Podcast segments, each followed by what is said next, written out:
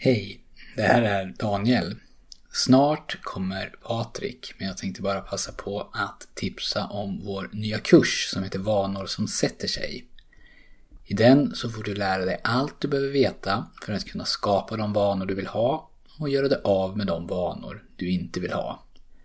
Det här är ju inte något som går av sig självt, utan jobbet behöver göras av dig.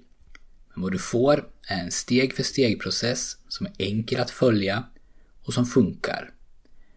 Kursen heter alltså Vanor som sätter sig och du kan läsa mer om den på monkeymindset.se vanor.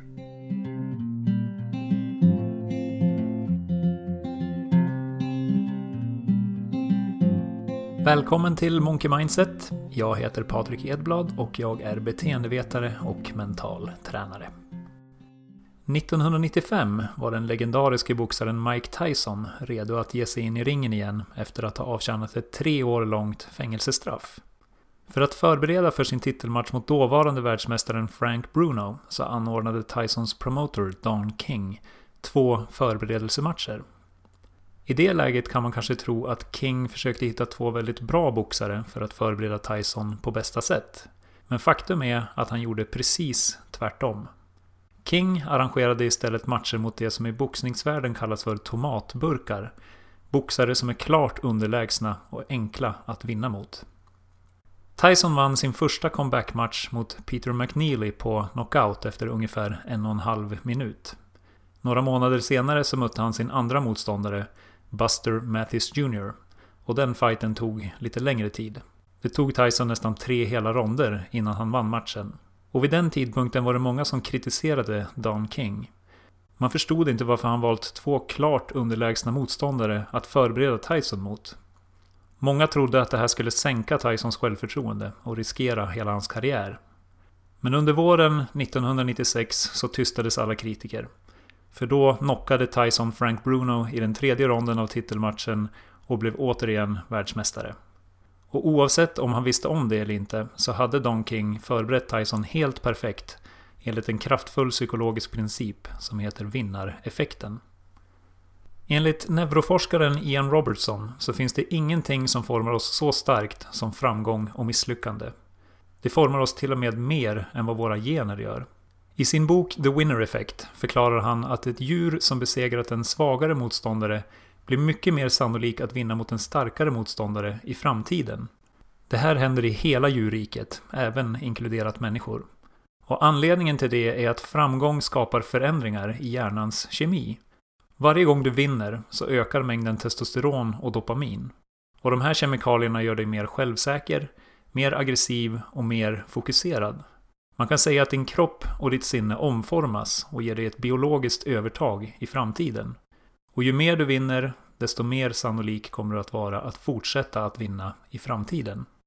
Och du behöver inte vara boxare för att dra nytta av den här effekten. Att ge dig själv chansen att uppleva enkla segrar i vardagen kan också ge stora fördelar. Professor Teresa Amabile från Harvard Business School studerar hur vardagslivet inom organisationer påverkar anställda och deras prestation. När hon och hennes forskningsteam designade och analyserade nästan 12 000 dagboksinlägg från 238 anställda på sju företag så upptäckte man det man nu kallar för framstegsprincipen. Enligt Amabile finns det ingenting som är lika motiverande som att göra framsteg i meningsfullt arbete. Och ju oftare du upplever den här känslan av framsteg, desto bättre är det. Framsteg i vardagen, även om det bara är en liten seger, kan göra hela skillnaden i hur du mår och presterar. Oavsett vad ditt mål är så kommer du att öka dina chanser dramatiskt att nå dit genom att tillåta dig själv att uppleva framgång. Och det här kan du göra genom att planera in och knocka dina egna tomatburkar. Dagliga mål som är så enkla att du är så gott som garanterad att vinna.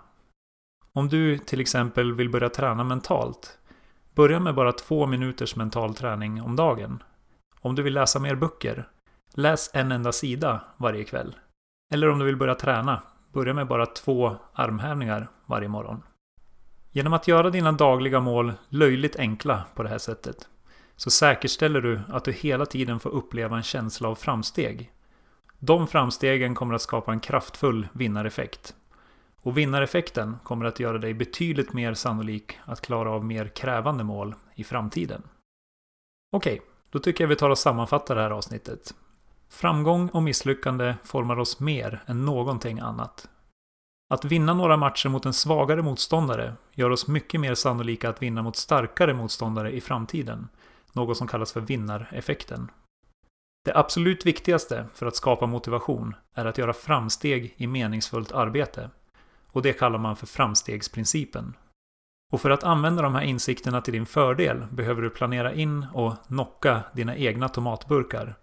Dagliga mål som är så enkla att du är så gott som garanterad att vinna.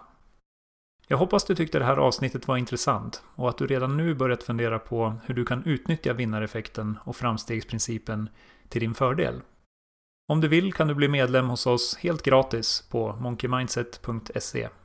Då får du vår vanekalender som är ett perfekt verktyg för att kryssa i dina framsteg varje dag och på så sätt skapa en stark vinnareffekt i dina dagliga vanor. Du får dessutom vårt populära 30-dagarsprogram i mental träning och flera andra bonusar. Ta hand om dig så hörs vi snart igen.